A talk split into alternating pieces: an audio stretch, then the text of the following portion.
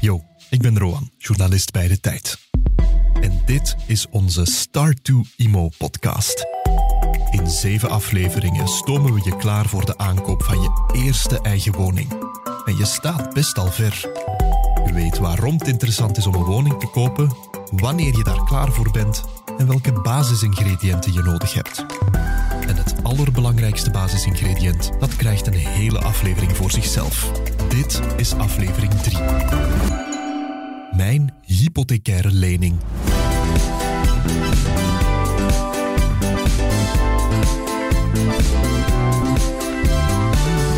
Eerste keer dat je met de bank in aanraking komt, je weet eigenlijk niks. Hè. Het was relatief positief. best oké. Zij willen jou ook graag. En je denkt dat de bank de waarheid spreekt. Voor ons was de eerste keer naar de bank gaan best moeilijk. Die eerste gesprekken waren heel droevig. Ik werd direct de grond ingeboord. Sommige banken weigerden om een gesprek te initiëren. Dat was heel overweldigend, omdat ik toen absoluut nog geen idee had van oké, een woning kopen, wat komt daarbij kijken? voelt dat gewoon niet goed.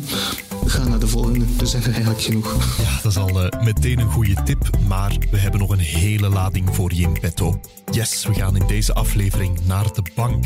Want ja, dat is zoals we intussen weten een onmisbaar deel van de aankoop van je eerste woning. Je hoorde Petra het al zeggen in de vorige aflevering, hè? of het je lukt om te kopen en hoeveel dat je dan kost. Alles hangt af van je lening. Maar hoe zit die precies in elkaar? Waar moet je extra goed voor opletten? En hoe bereid je je het beste voor op die cruciale gesprekken met de bankenman? Dat gaat de expert hypothecaire leningen van de netto-redactie van de Tijd ons vertellen. Dag, Peter van Maldegem. Dag Roan. Jij gaat ons wapenen, hè Peter. We weten intussen dat bij het kopen van je eerste woning zowat alles staat of valt bij die lening. En dat je eigenlijk best al naar de bank gaat, nog voordat je zelfs aan je zoektocht begint. Vertel eens, want ik heb dat dus nog nooit gedaan, hè Peter. Hoe gaat dat dan, dat eerste contact met de bank? En hoeveel keer moet ik daarna nog terugkomen? Wel, je mag toch best wel wat tijd eh, reserveren voor je eerste gesprek bij je bank. En dat komt omdat de bank verschillende vragen aan jou zal stellen. En dus dat betekent dat je toch al snel een kwartier bezig bent met allerhande vragen beantwoorden voordat je effectief aan de cruciale vraag komt eh, naar je woonlening. En ook daar zal je heel wat informatie moeten geven naar je inkomen, andere leningen die je eventueel hebt te lopen. En het is pas op basis van die informatie dat de bank dan met een concreet voorstel zal komen, een indicatief tarief. En dan ga je weten, dat is ongeveer het maandelijks bedrag eh, dat ik zal terugbetalen. Ja, maar dat is dus als ik al ongeveer weet hoeveel ik wil lenen. Hè. Stel, ik ben nog niet eens begonnen aan mijn zoektocht. Ik weet dus nog niet hoeveel mijn toekomstig huis zal kosten. Wat, wat dan? Ja, vaak wil je voordat je op huizenjacht gaat toch al een indicatie krijgen van ja, tot hoeveel kan ik lenen. En stel dat je dan bijvoorbeeld zegt ik wil maximaal 1000 euro per maand afbetalen, meer kan ik echt niet aan. Dan kan de bank jou ook een indicatie geven van kijk, dat is het bedrag dat je maximaal zal kunnen lenen. En op dat moment kan je eigenlijk naar de huizenmarkt stappen en, en kijken van welke woning valt hier binnen mijn budget. En eens je die droomwoning dan gevonden hebt, dan zal je opnieuw naar de bank moeten stappen en die zal dan een officieel aanbod doen. Dat komt niet meteen. Eh, Hij zal verschillende analyses moeten doen op je profiel. En dan eh, krijg je eigenlijk een officieel aanbod. Dat aanbod is dan enkele weken geldig en dan is het aan jou om er al dan niet op in te gaan. 1000 euro meer kan ik niet aan, zeg je dan. Eh, ik, ik moet dus een soort limiet bepalen voor mezelf, hè, van wat ik maandelijks kan missen. Hoe bepaal ik dat? Wel, er is geen staalharde richtlijn voor, maar een vuistregel is dat je ongeveer een derde van je maandelijks inkomen kunt lenen. Een derde, 33 procent dus. Dat is wat we bij onze sprekers ook effectief het vaakst horen terugkomen. Hè? Toch min of meer. In de beginfase zal dat een 35% zijn. 30 procent. 35 à 40 procent. Net iets meer dan een derde van mijn maandelijkse inkomsten. Zo de typische norm van een derde. Ik kan daarmee leven, ik vind dat niet hoog, ik vind dat zeker ook niet laag. Dat is geld dat je natuurlijk liever ergens anders aan uitgeeft. Hè. Maar je krijgt er wel iets moois voor in ruil. Dat is zeker. Maar dus Peter, ik tel eigenlijk twee belangrijke basiscontacten bij de bank. Het eerste is een soort informatieronde, hè, dat is dan voor de zoektocht. Ik wil eens horen hoe dat er echt aan toe gaat. Hè. We gaan naar een ING-kantoor in centrum Antwerpen. Daar ontvangt bankmedewerkster Carolien een zekere Thomas. Goedemiddag Caroline. Dag Thomas, goedemiddag. Beetje twijfels, hè, want ehm, zou heel graag een appartementje kopen. Uh, of mijn, mijn budget uh, ja, gaat volstaan. Um, concreet, hoeveel kan ik ontlenen? Jij weet ongeveer wel uh, hoeveel budget ik momenteel ter beschikking heb. Het is 50.000 euro. je had mij op voorhand al informatie gestuurd in verband met inkomen en ja, enzovoort. doorgestuurd, ja. mijn loonfiche. Ja, dus. Klopt. Uh, daar heb ik ook naar gekeken. Als het goed is voor u, dan ga ik na ons gesprek uh, een, een, klein dossiertje opstarten, een berekening maken en zal ik u die berekening mailen. Um, gaan we kijken naar hoeveel je maximum per maand wil betalen, afhankelijk van het inkomen. En bij gevolg ook uh, ga kunnen bepalen hoeveel je kan lenen. Ik zal misschien uitgaan van een appartement van 250.000. Ik bereken er de kosten op die erbij zijn. Ik breng je eigen inbreng um, in rekening en dan weet ik wat het krediet mogelijk is. En dan horen we elkaar binnen een dag of twee, drie nog eens terug. Als je het voorstel hebt kunnen bekijken en dan zien we of het uh, oké okay is. Nee, Thomas is nog niet uitgepraat. We komen in een latere aflevering nog terug bij die twee. Maar dat is dus dat eerste contact bij de bank. Hè. Het tweede, dat is dan het officiële aanbod. Dat is na de zoektocht. Als ik mijn woning gevonden heb en dus ook de prijs ken. Dat is eigenlijk het moment suprême bij de bank. Ik weet nu dus hoe vaak ik minstens naar de bank zal moeten en waarvoor. Maar wacht, ik ken eigenlijk de basics nog altijd niet, hè Peter? Nee. Zo'n hypothecaire lening, wat is dat eigenlijk? Wel, het principe is eenvoudig. Je hebt niet voldoende geld om een woning te kopen, dus je leent eh, geld bij die bank. En die bank verwacht uiteraard dat je dat geld eh, terugbetaalt uh, na een zekere tijd. De drie elementen die altijd terugkomen bij een lening zijn uiteraard de rente, de eigen inbreng. En de derde is dan de looptijd van de lening, hoe lang je lening loopt. Oké, we gaan er uh, stevig in vliegen nu. Hè? Eigen inbreng. Het woord zegt het zelf. Dat zijn de zuurverdiende centjes die ik zelf meteen op tafel kan leggen, recht van mijn spaarrekening. Ja, dat klopt. Dus de bank eist dat je toch een minimum eh, zelf investeert in de woning. Als je bijvoorbeeld een woning wil kopen van 250.000 euro, dan zal de bank vragen om zelf 50.000 euro van die 250.000 euro te financieren. En dat is eigenlijk een soort veiligheidsmarge voor de bank. Als de waarde van die woning eh, daalt naar 200.000 euro, ja, dan loopt de bank geen risico dat ze verlies doet op die lening. En dat is eigenlijk het principe van de eigen inbreng. Ja. De bank is daar uh, gebonden ook aan de regels. Zij mogen wel hoger gaan dan die 80% quotiteit. Dat is eigenlijk uh, de naam dan uh, van het bedrag dat ze lenen. Maar ze mogen dat maar doen voor een beperkt aantal leningen ze moeten steeds zorgen dat de grote meerderheid van de leningen een quotiteit heeft van 80% of minder. -hmm. Een quotiteit van 80% of minder, dat betekent dat mijn eigen inbreng 20% of meer moet zijn. Lenen aan 0% zonder inbreng dus, dat kan wel, maar dat is heel zeldzaam. Nu, die eigen inbreng die komt zo goed als zeker van mijn spaarrekening. Maar Peter, uh, Petra zei in de vorige aflevering dat ik die zeker niet helemaal mag leeghalen. Hè? Dat ik best toch nog een buffer laat staan. Ja, absoluut. Het is zeker niet de bedoeling om als eigen inbreng je volledige spaarboekje te gaan plunderen. Iedereen moet dat natuurlijk voor zichzelf weten, maar als vuistregel wordt vaak genomen dat je toch minstens zes maanden loon nog op je spaarboekje laat staan voor onverwachte uitgaven eh, die er altijd eh, kunnen zijn. Alright, stel Peter, ik wil mijn huis kopen samen met mijn partner. Maar we hebben lang niet hetzelfde bedrag op onze spaarrekening. En toch willen we allebei het maximale aan die lening geven. Ongelijk verdeeld dus. Wat doe ik daarmee? Wel, het meest voorkomend als die verschillen echt groot zijn, is dat dat opgenomen wordt in het huwelijkscontract. En dan wordt duidelijk dat de inbreng van de ene partner groter was dan de inbreng van de andere partner. En als het ooit um, tot een scheiding zou leiden, dan is dat toch iets wat beschreven staat. Dus dat is absoluut uh, wel aan te raden.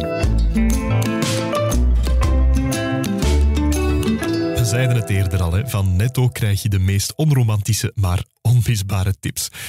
Dan over naar de volgende belangrijke variabele van mijn hypothecaire lening: de looptijd. Ja, inderdaad. De gemiddelde looptijd van een hypothecaire lening ligt rond uh, 22 jaar, tussen 20 en 25 jaar. En dat betekent effectief dat je gedurende die 25 jaar maandelijks een bedrag terugbetaalt aan de bank. Hm, gemiddeld ben je dus 22 jaar je lening aan het afbetalen. Maar ik kan wel met mijn bank afspreken om die looptijd korter of langer te maken dan 22 jaar. Peter, waarom zou ik dat doen, korter of langer? Wel, het voordeel van een langere looptijd is dat uw bedrag dat je maandelijks zal moeten betalen lager ligt, want je betaalt gewoon veel langer af. Het nadeel daarvan is natuurlijk dat je ook meer rente zult betalen, eh, want je lening loopt langer. Hoe langer mijn looptijd, hoe langer dat de bank een risico neemt om mij zo'n groot bedrag uit te lenen, hoe meer de bank mij ook zal vragen voor dat risico. Met andere woorden, hoe meer mijn lening zal kosten.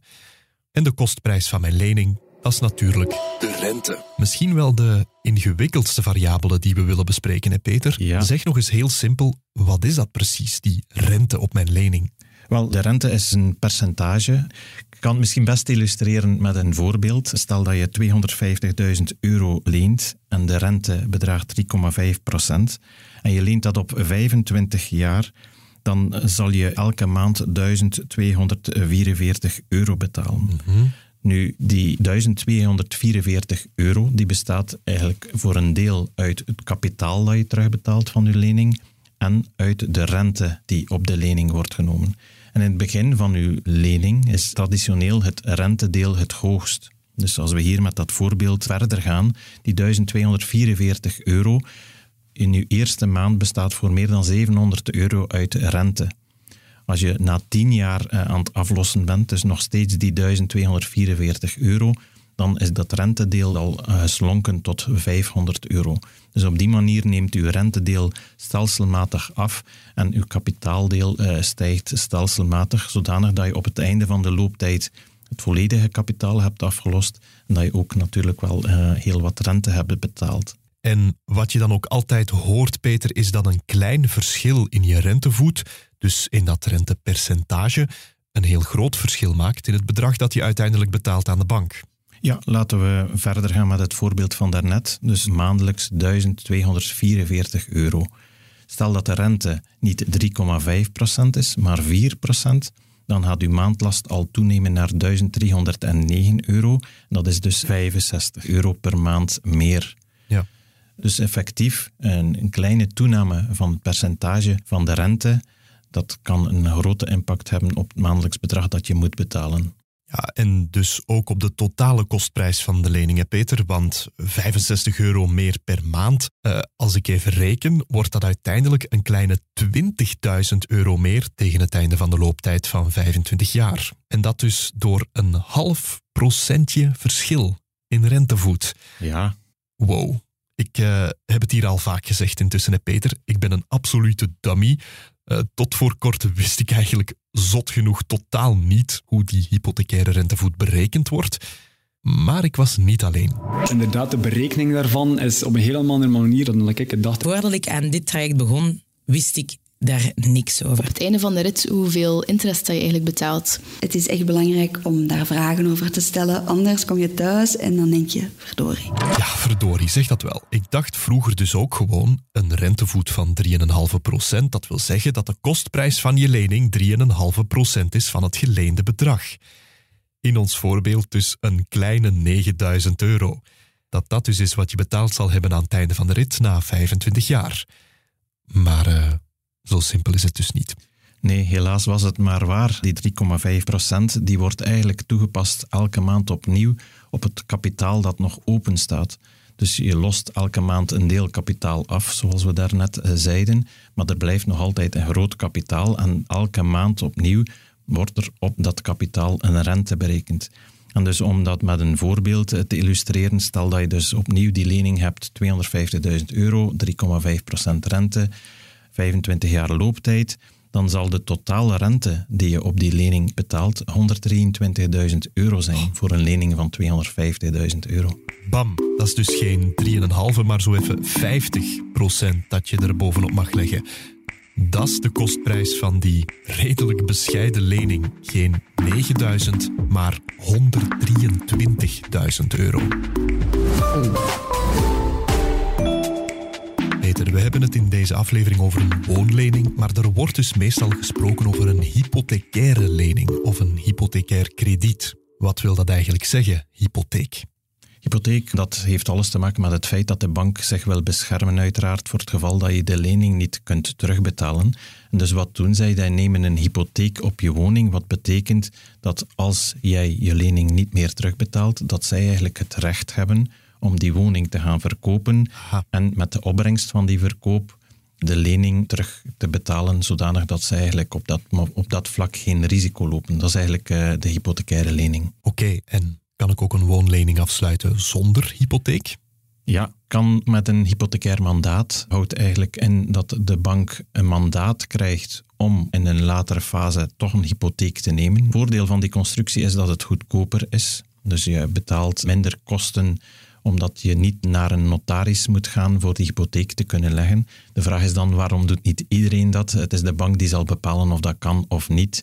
Niet alle banken zijn grappig om al hun hypothecaire leningen zonder hypotheek te gaan afleveren en enkel met mandaat. Dus uh, dat gebeurt in de minderheid van de gevallen toch wel. Alright, maar zo'n hypothecair mandaat is voor mij wel interessanter. Kan dus zeker geen kwaad om dat eens aan de bank te vragen. Stel dat je je huis aan een lage prijs hebt kunnen kopen, maar wel meteen een dure renovatie moet doen. Leen je daarvoor dan best meteen bij in je hypothecair krediet? Neem je een extra lening of pak je het nog anders aan? Alles daarover in aflevering 6. Bouwen en renoveren. Als er één ding intussen kristalhelder is geworden, dan is dat er eigenlijk maar weinig vaststaat voor je je definitieve hypothecaire lening afsluit. Er zijn veel variabelen en die verschillen vaak van bank tot bank, zoals de rentevoet.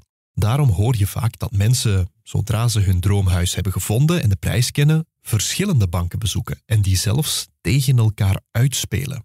We horen bijna van iedereen dat dat eigenlijk een must is. Je moet wel vergelijken, dat absoluut. Ik denk dat het wel altijd heel belangrijk is om zeker meerdere banken te bezoeken. Wij hebben uiteindelijk vijf banken met elkaar laten concurreren. Naar een viertal banken geweest. Drie banken of zo bezocht. Bij vier banken fysiek langs gegaan. Voorstellen gaan halen en dan bij de andere banken ja, gaan shoppen. En dan eigenlijk met die tegenvoorstellen terug naar onze eigen bank gegaan. Ten opzichte van een andere bank was dat wel 0,2 of 0,3 procent verschil. 0,70 verschil. Maar dat uitte zich al op 5 euro per maand. Het gaat over nulletjes achter de komma, maar dat doet echt heel veel. Komt je toch wel al op 6000, 7000 euro op de duurtijd van je lening uit. En daar scheelt toch wel. Op het einde van de rit was dat wel een verschil van 20.000 euro. Wel een keer de moeite om eventjes nog wat langer te gaan onderhandelen. Ah ja, want we weten intussen dat een klein verschilletje in rentevoet een heel groot verschil kan worden in de totaal betaalde rente op het einde van de rit.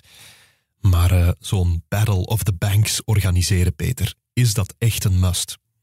Wel, het is zeker aan te raden, want inderdaad, je mag er niet van uitgaan dat je huisbank het beste tarief eh, zal bieden. Maar je moet opnieuw heel wat tijd eh, reserveren, want bij elke bank zal je moeten langsgaan, al die vragen moeten beantwoorden. Dus dat neemt wel wat tijd in beslag. Maar het kan zeker renderen om de banken toch een beetje tegen elkaar uit te spelen. Zeker je huisbank zal daar zeer gevoelig voor zijn, want als de bankier doorgeeft dat je mogelijk naar een andere bank zal overstappen omdat je daar een gunstiger krediet krijgt, ja, dan levert die bank misschien toch wel een extra inspanning, want overstappen naar een andere bank voor je krediet gaat vaak gepaard met het sluiten van je bankrekeningen bij je oude bank, want je betaalt daar uiteindelijk dan voor niets. Ja. En dus verliest die bank een klant. Dus eh, op dat vlak is het zeker aan te raden om goed je huiswerk te doen. Ja, maar het is dus wel een goed idee dat uh, bank battelen of shoppen. Al kan het tijdrovend zijn en dat op een moment dat je je droomhuis hebt gevonden en het eigenlijk vrij snel moet gaan. Klinkt best stressvol en vermoeiend, Peter. Ja, wie zegt ik heb daar eigenlijk geen tijd voor, ik wil dat laten doen. Er zijn initiatieven in de markt, zoals hypotheekwinkel, zoals Imotheker, die die oefening voor jou doen, die dat shoppen voor jou doen. Die initiatieven worden ook wel vergoed door de verschillende banken om dat te doen.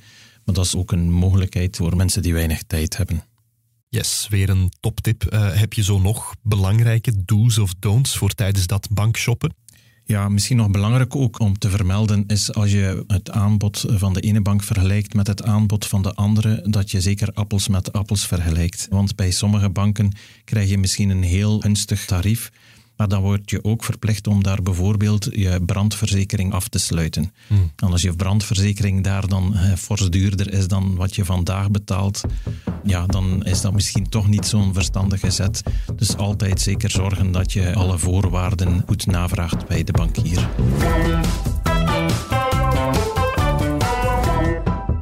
Peter, stel ik heb de beste deal gevonden. Ben nu met die bank verder gegaan en ik heb mijn huis gekocht. Staat die hypothecaire lening met al zijn voorwaarden en variabelen nu in steen gebeiteld tot het einde der looptijd? Of kan daar doorheen de jaren nog iets aan veranderen? Dat hangt in de eerste plaats af van welk soort lening je hebt afgesloten. Je hebt ofwel een lening met vaste rente, dan verandert de rente niet gedurende de looptijd. Maar je hebt ook een lening met variabele rente en dan varieert die rente in functie van wat de marktrente doet. En dan kan het gebeuren, als de marktrente stijgt, dat ook de rente die je moet betalen op je lening zal stijgen. En dat betekent ook dat je maandbedrag zal toenemen. Omgekeerd, als de rente daalt, zal je ook minder moeten afbetalen. Dus dat is het voordeel van die variabele rente. Het nadeel is dat je dan uiteraard onzeker bent over welk bedrag je moet terugbetalen, maar je start wel doorgaans aan een lagere rente dan bij een vast rentetarief. Oké, en dan hangt alles dus af van de marktrente. Dat zei Sonja ook al in aflevering 1, hè, dat dat het getal is om in toog te houden als huizenkoper. Want die marktrente die durft al wel eens te stijgen en te dalen, zoals we weten. Maar dat zijn dus mijn twee keuzes: vast of variabel. Ja, en je hebt ook soms accordeonformules bij variabele rente. En dat betekent eigenlijk dat je zegt van kijk, wat die rente ook doet, ik wil altijd een vast bedrag blijven afbetalen. Ik wil niet dat mijn maandlast stijgt of daalt. Dus dat moet constant blijven gedurende de hele looptijd. Wat gebeurt er dan met die leningen met variabele rente? Dan gaat gewoon de looptijd veranderen. Stel dat de rente stijgt, dan zal de looptijd van je lening verlengen. Dus je zal langer afbetalen. En daalt ze, dan zal je lening verkorten en dan zal je korter afbetalen. Dat is ook een constructie die mogelijk is als je een lening afsluit met variabele rente. De accordeonformule. Dat is dus eigenlijk een variabele rente vermomd als vaste rente. Bon, vast of variabel, dat is dus een keuze die ik zal moeten maken. Welke is populairder? Wel, we hebben een kleine steekproef gedaan en er is een duidelijke winnaar. Voor mijn huidige appartement heb ik onmiddellijk een vaste lening aangegaan. Wij zijn altijd voor een vaste... Een vaste. Vaste rentevoet. Vaste rentevoet gekozen. Een variabele lening, dat vonden we net te risicovol. Wij hebben toen beslist om de helft vast te gaan lenen en de helft variabel. Dat kan dus ook.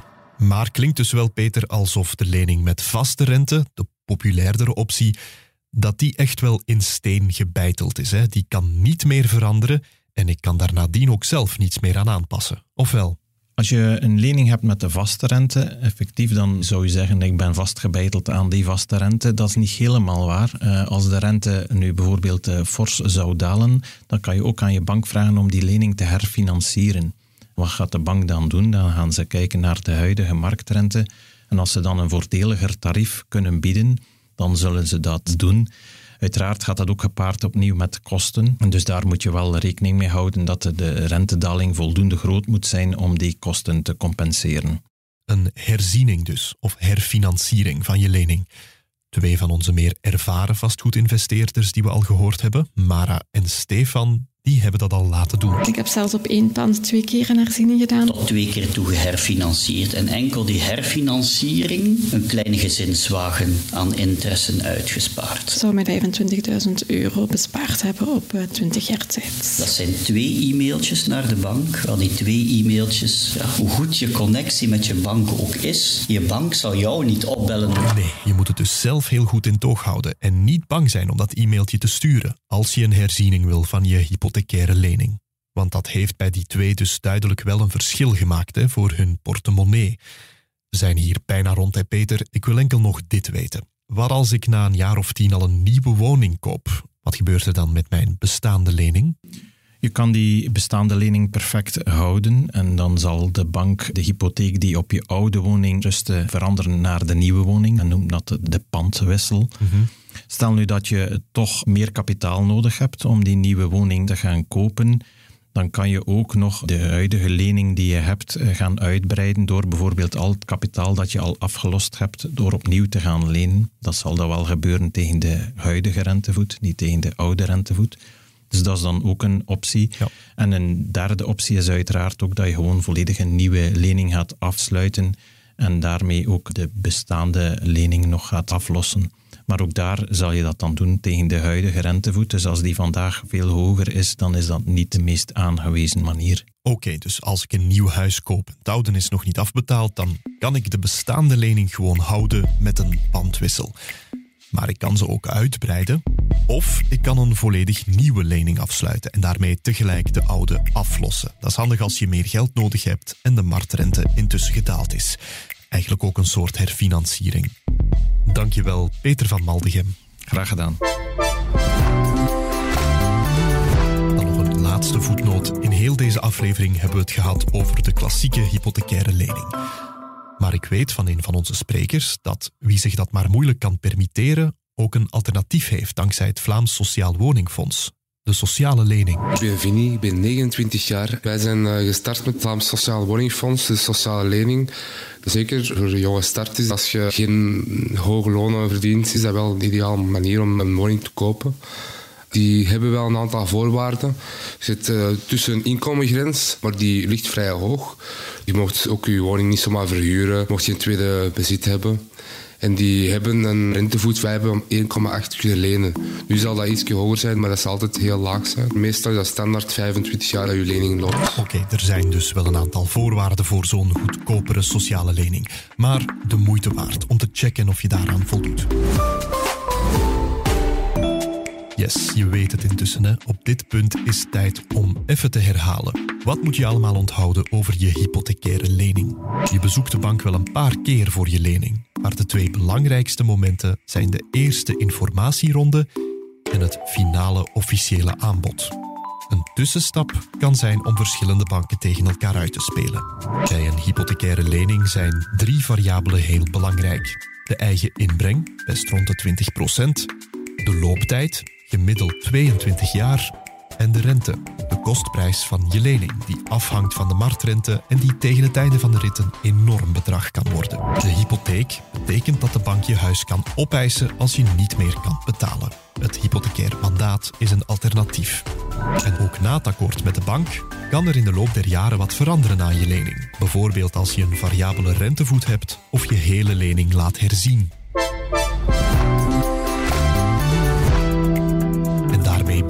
Helemaal klaar voor de confrontatie met de bankenman. Nu de geldzaken gecoverd zijn, kunnen we onze eerste stappen zetten op het veld. De zoektocht is een malle molen, we gaan daar niet flauw over doen. We geven je straks de beste wapens en instrumenten. We gaan samen een huis bezichtigen en vertellen je waar je zeker op moet letten. En we gaan leren bieden op het scherpst van de snee. Zodat jij straks weet hoe je de best mogelijke deal krijgt in aflevering 4 van Start to Imo. De race naar een aankoop.